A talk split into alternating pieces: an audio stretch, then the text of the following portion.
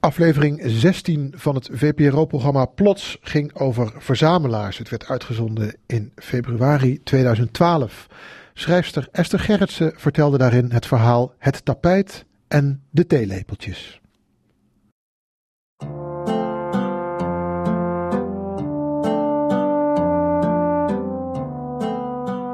Mijn man en ik zijn uit elkaar.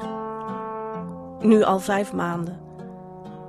We wonen nog in hetzelfde huis. Ik boven, hij beneden. En ons kind gaat op en neer. In de gang is nu een deur. Hij klopt aan als hij iets van me wil. Mag ik boven komen? vraagt hij dan. In het begin zei ik nog natuurlijk, maar nu gewoon ja en soms ook nee. We waren veertien jaar samen. We waren heel lang heel gelukkig, maar toen niet meer. Veel begrijpelijker kan ik het nu nog niet maken. Op een bloedhete dag in de zomer gingen wij uit elkaar en sjouwde ik eerst een matras naar boven en mijn kleren, toiletspullen. Het was op een zondag. Hij bracht ons kind naar opa en oma. De IKEA was open. Ik kocht een tweede kinderbed.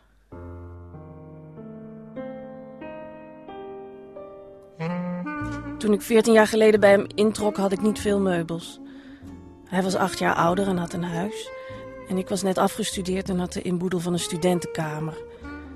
Een keukentafel had hij al, een betere natuurlijk. En de mijne kon naar het grofvuil, de stoelen ook.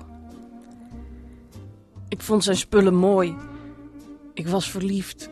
Ik vond alles mooi. Hij had bijvoorbeeld hele lange theelepeltjes, dat vond ik heel bijzonder. En hele kleine plastic schaaltjes in verschillende kleuren.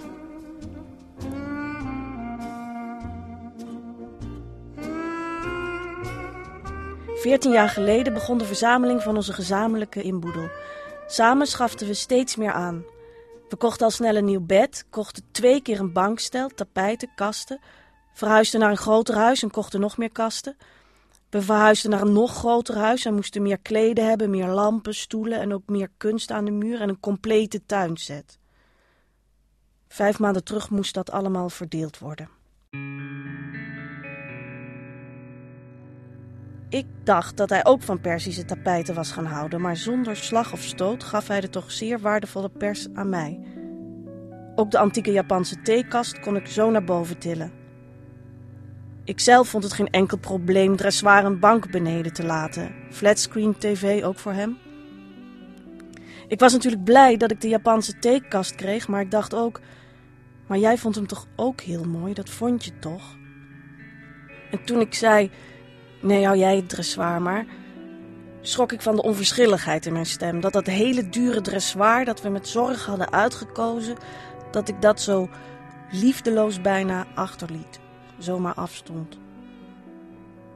Er bleek geen enkel meubelstuk te zijn dat we allebei even mooi vonden.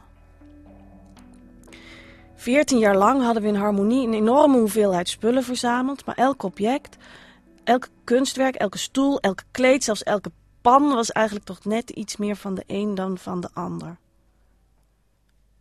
Waren we dan gewoon beleefd geweest, veertien jaar lang? Beleefd uit liefde, maar toch beleefd?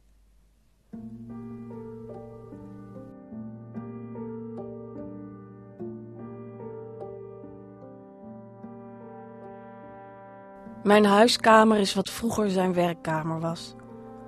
Op de vloer ligt zijn vloerbedekking, licht en donkergroen gestreepte banen. Is niet erg, zei ik aanvankelijk. Het is goed dat er nog iets van hem is. Wel lag mijn tafel al meteen iets voller met rotzooi dan onze gezamenlijke tafel altijd lag. Hij hield van lege tafels. Een maand of twee duurde het en mijn huis was het tegenbeeld van dat van hem. Twee maanden en er lag nog een Persisch tapijt, op straat gevonden, over zijn groene vloerbedekking heen. Op tafel was geen plek meer voor een bord. In mijn ouderlijk huis ging ik de zolder op en ik kwam met dozen vol oude koektrommels en staande asbakken terug naar Amsterdam. En vorige week kocht ik een tweepersoons dekbed.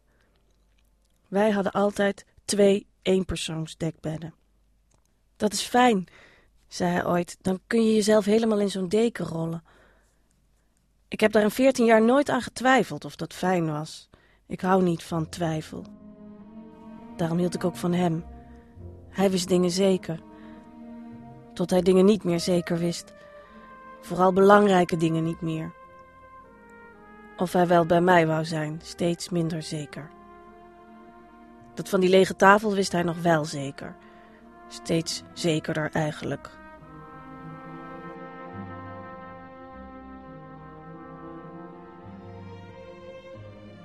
Binnen twee maanden zeiden de huizen alles. Hij zat wat onwennig aan mijn tafel vol met kranten. Hij had zelf intussen een digitaal abonnement. Keek om zich heen en zei: Bij mij is er niet eens zoveel veranderd, maar jouw huis, dat is echt een andere wereld.